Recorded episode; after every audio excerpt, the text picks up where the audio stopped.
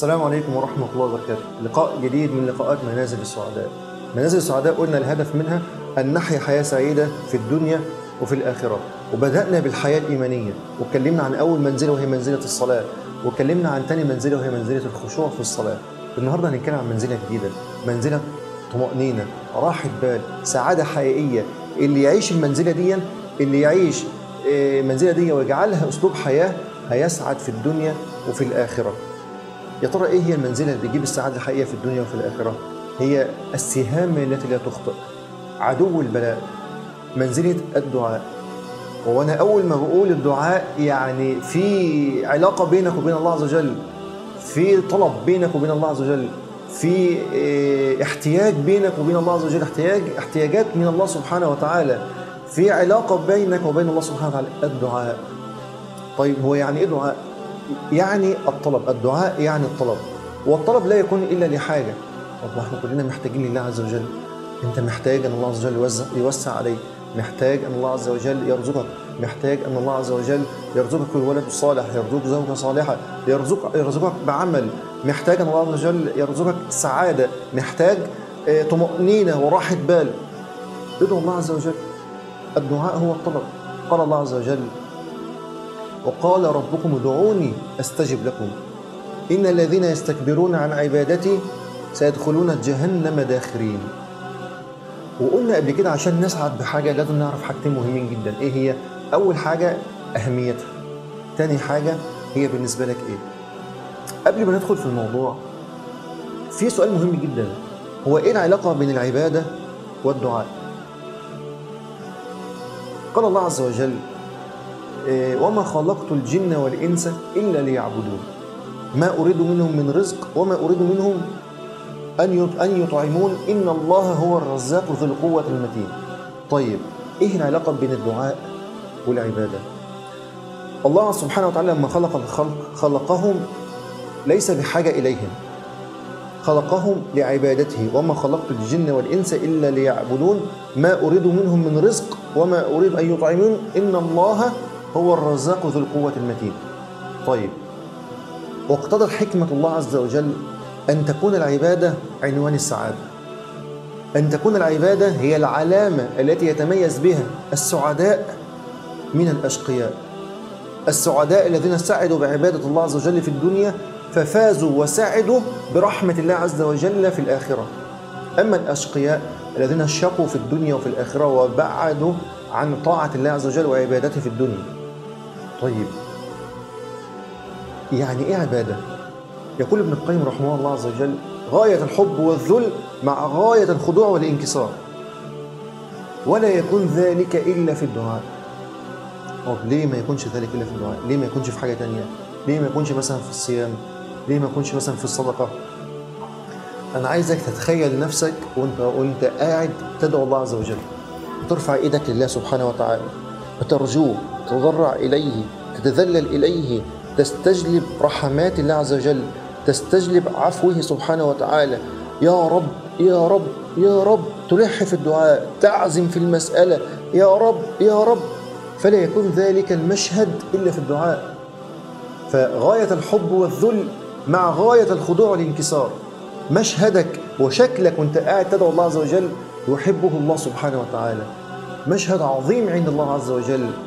مشهد الله عز وجل يحبه ويرفعه ويتقبله سبحانه وتعالى فلا يكون ذلك إلا في الدعاء. علشان كده قال النبي صلى الله عليه وسلم الدعاء هو العبادة. طب أنت حالك إيه مع الدعاء؟ كل يوم بتدعو الله عز وجل ليك ورد يومي تدعو الله عز وجل فيه تطلب من الله عز وجل ولا مستغني عن الله؟ ولا أنت أساسا الفكرة دي مش جاية لك على بالك؟ أو أنت ناسي أساسا الدعاء؟ في حديث خطير خطير جدا النبي صلى الله عليه وسلم يقول من لم يسأل الله يغضب عليه. يا نهار أبيض. يعني أنا لو ما سألتش الله عز وجل أو أنا ما دعيتش الله عز وجل يغضب علي من لم يسأل الله يغضب عليه. طب يغضب عليا ليه؟ طب أنا ما عملتش حاجة أنا بس ممكن نسيت أو من لم يسأل الله يغضب عليه.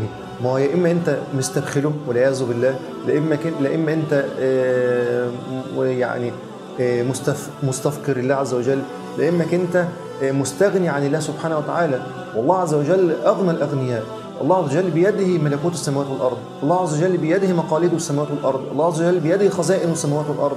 اسمع حديث القدسي الذي آه، عن رب العزة. قال النبي صلى الله عليه وسلم لو أن أولكم وآخركم وإنسكم وجنكم قاموا في صعيد واحد قاموا في وقت واحد أي من لدن آدم إلى قيام الساعة قاموا في صعيد واحد فسألوني فأعطيت كل واحد منهم مسألته. ما نقص ذلك من ملك شيء إلا كما ينقص المخيط إذا أدخل البحر. يا شوف عظمة الله عز وجل. الله عز وجل سحاء بالليل والنهار. يمينه ملأ. له خزائن السماوات والأرض مقاليد السماوات والأرض. إذا أراد شيئا أن يكون له كن فيكون الله سبحانه وتعالى أغنى الأغنياء. إزاي أنت ما تدعوش الله عز وجل إزاي أنت ما تدعيش الله سبحانه وتعالى. إزاي أنت يعدي عليك يوم من غير ما تطلب من الملك سبحانه وتعالى من الغني سبحانه وتعالى. الله عز وجل يقول ادعوني أستجب لكم. الله عز وجل ضمن لك الإجابة. كان سيدنا عمر بن الخطاب رضي الله عنه كان يقول إني لا أحمل هم الإجابة. خلاص أنا أنا أنا أنا عندي يقين أن الله عز وجل هيستجيب لي. أنا عندي يقين أن الله عز وجل لا يرد دعوتي. أنا عندي يقين في وعد الله عز وجل إن الله لا يخلف الميعاد إن الله, إن الله سبحانه وتعالى لا يخلف وعده. ادعوني أستجب لكم.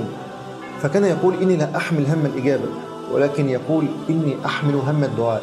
أحمل هم أن يفتح الله عز وجل علي في الدعاء. إن أنا لما أرفع إيدي وأقول يا رب.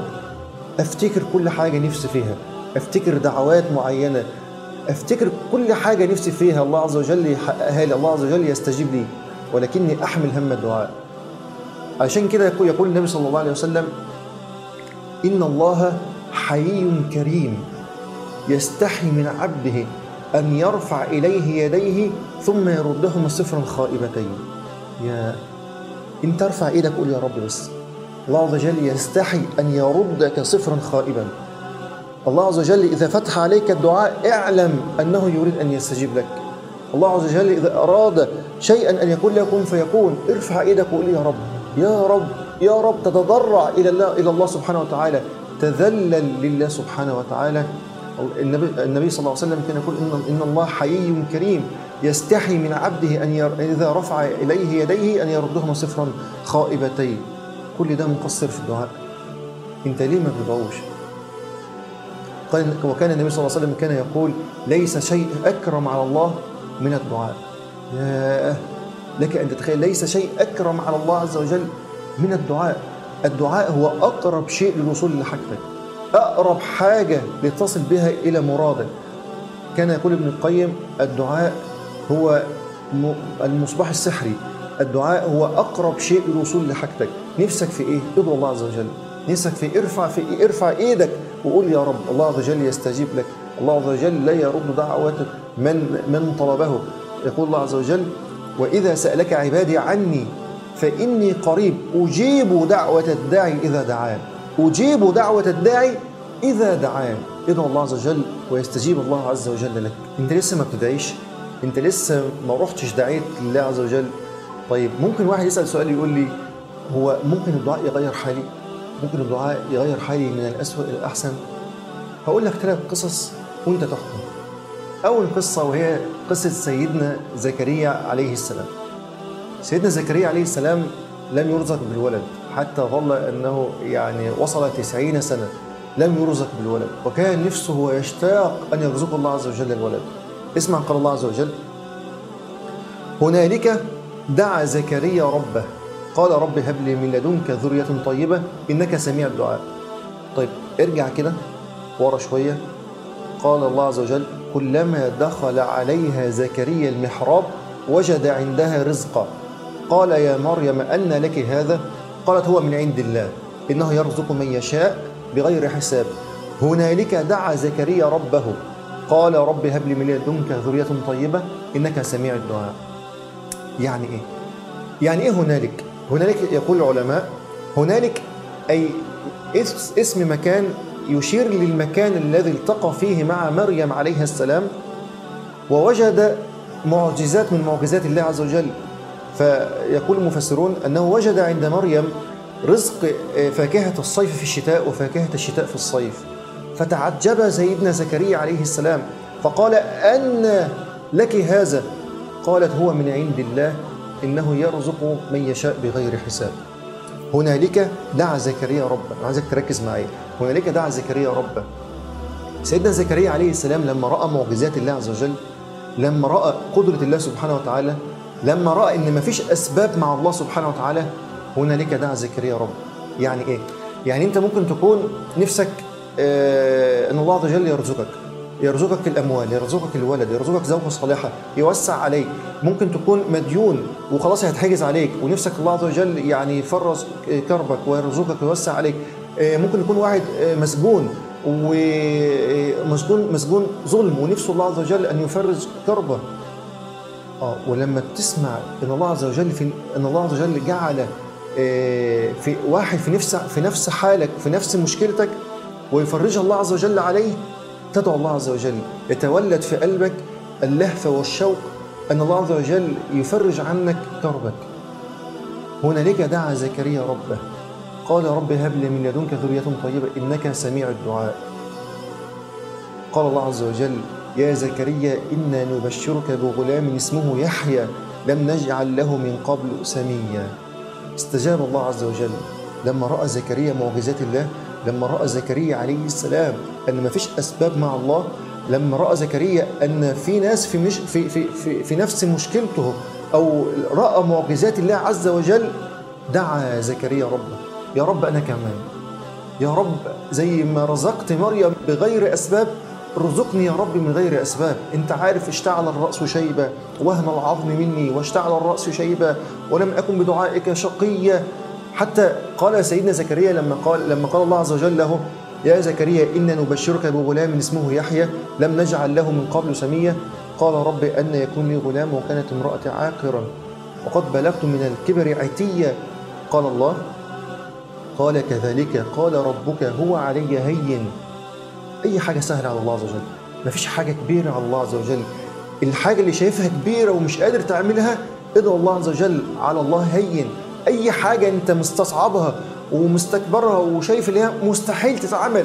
إزاي الله عز وجل يرزقني وأنا عندي 90 سنة وامراتي عاقر وأنا يا رب بلغت من الكبر عتية وبمشي أتعجز على عكاز وخلاص واشتعل الرأس شيبة؟ هو ذلك هو على الله هين. أي ما فيش أسباب مع الله عز وجل. الله عز وجل على كل شيء قدير. أن تدعو الله عز وجل أنا كمان. عشان كان النبي صلى الله عليه وسلم بيعلمنا دعاء مهم جدا. كان يقول النبي صلى الله عليه وسلم اللهم اهدنا فيمن هديت وعافنا فيمن عافيت وتولنا فيمن توليت وقنا واصرف عنا بفضلك شر ما قضيت. يعني إيه؟ يا رب الجماعة اللي أنت هديتهم دولا اهدني معاهم. يا رب الناس أنت شفيتهم دولا اشفني معاهم. يا رب الجماعة اللي أنت وسعت عليهم دولا وسع علي معاهم. اللهم اهدني في من هديت. وعافني في من عافيت وتولنا في من توليت.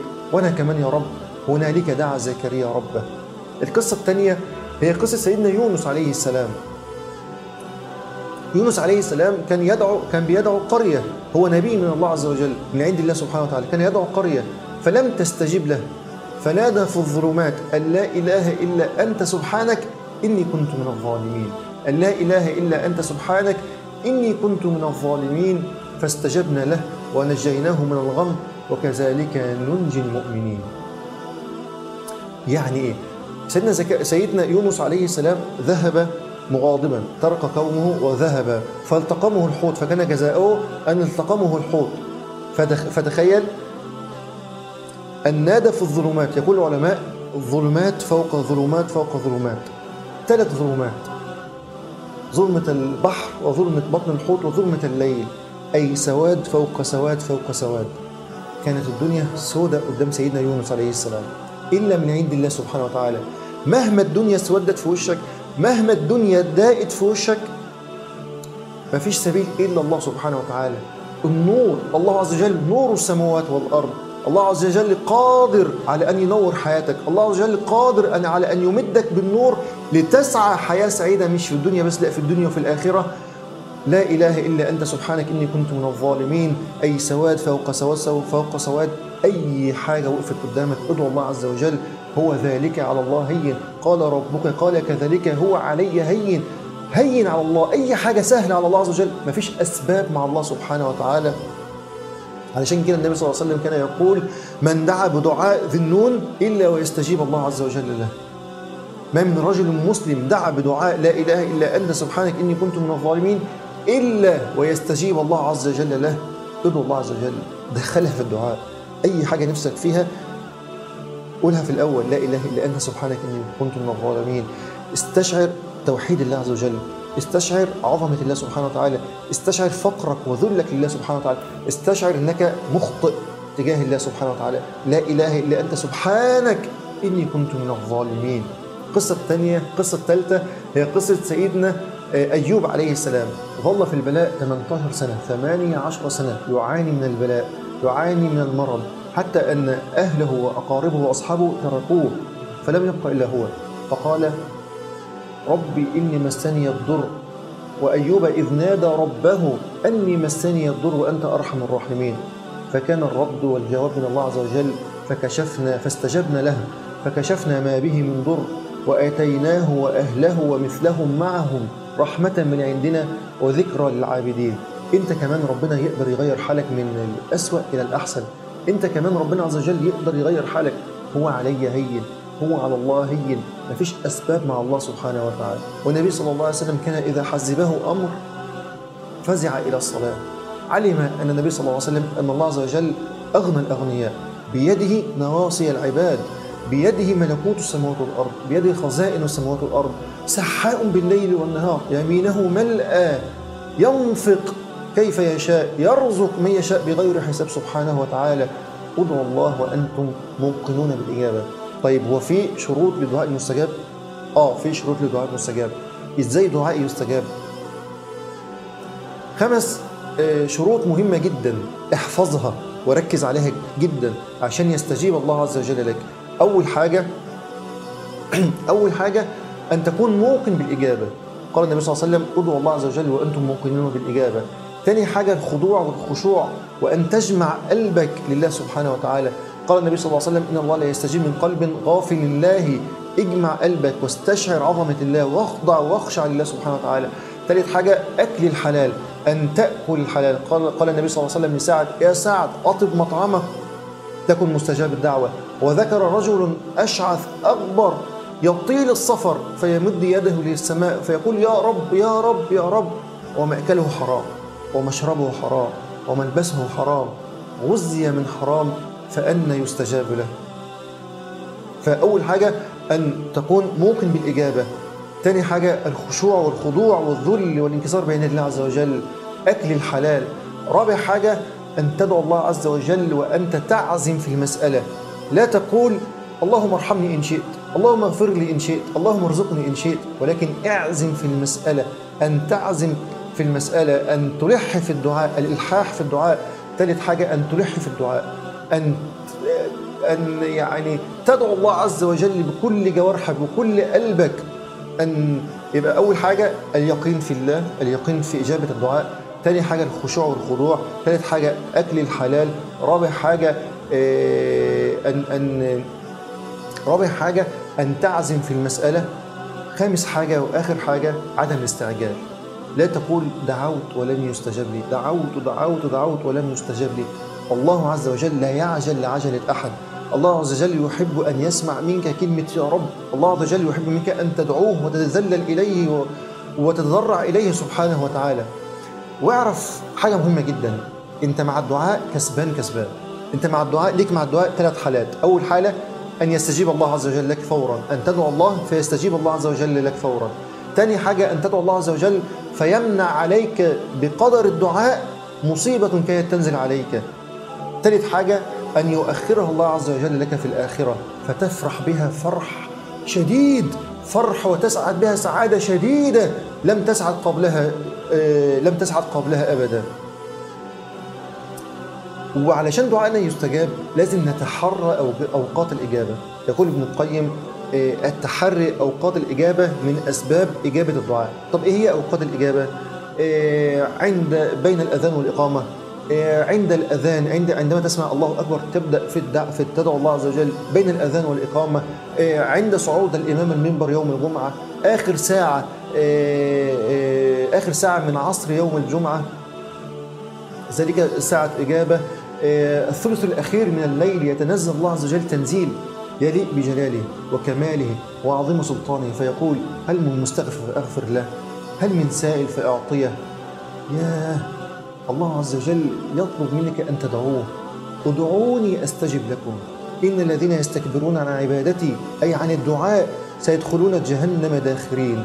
ادعوا الله وأنتم موقنون بالإجابة.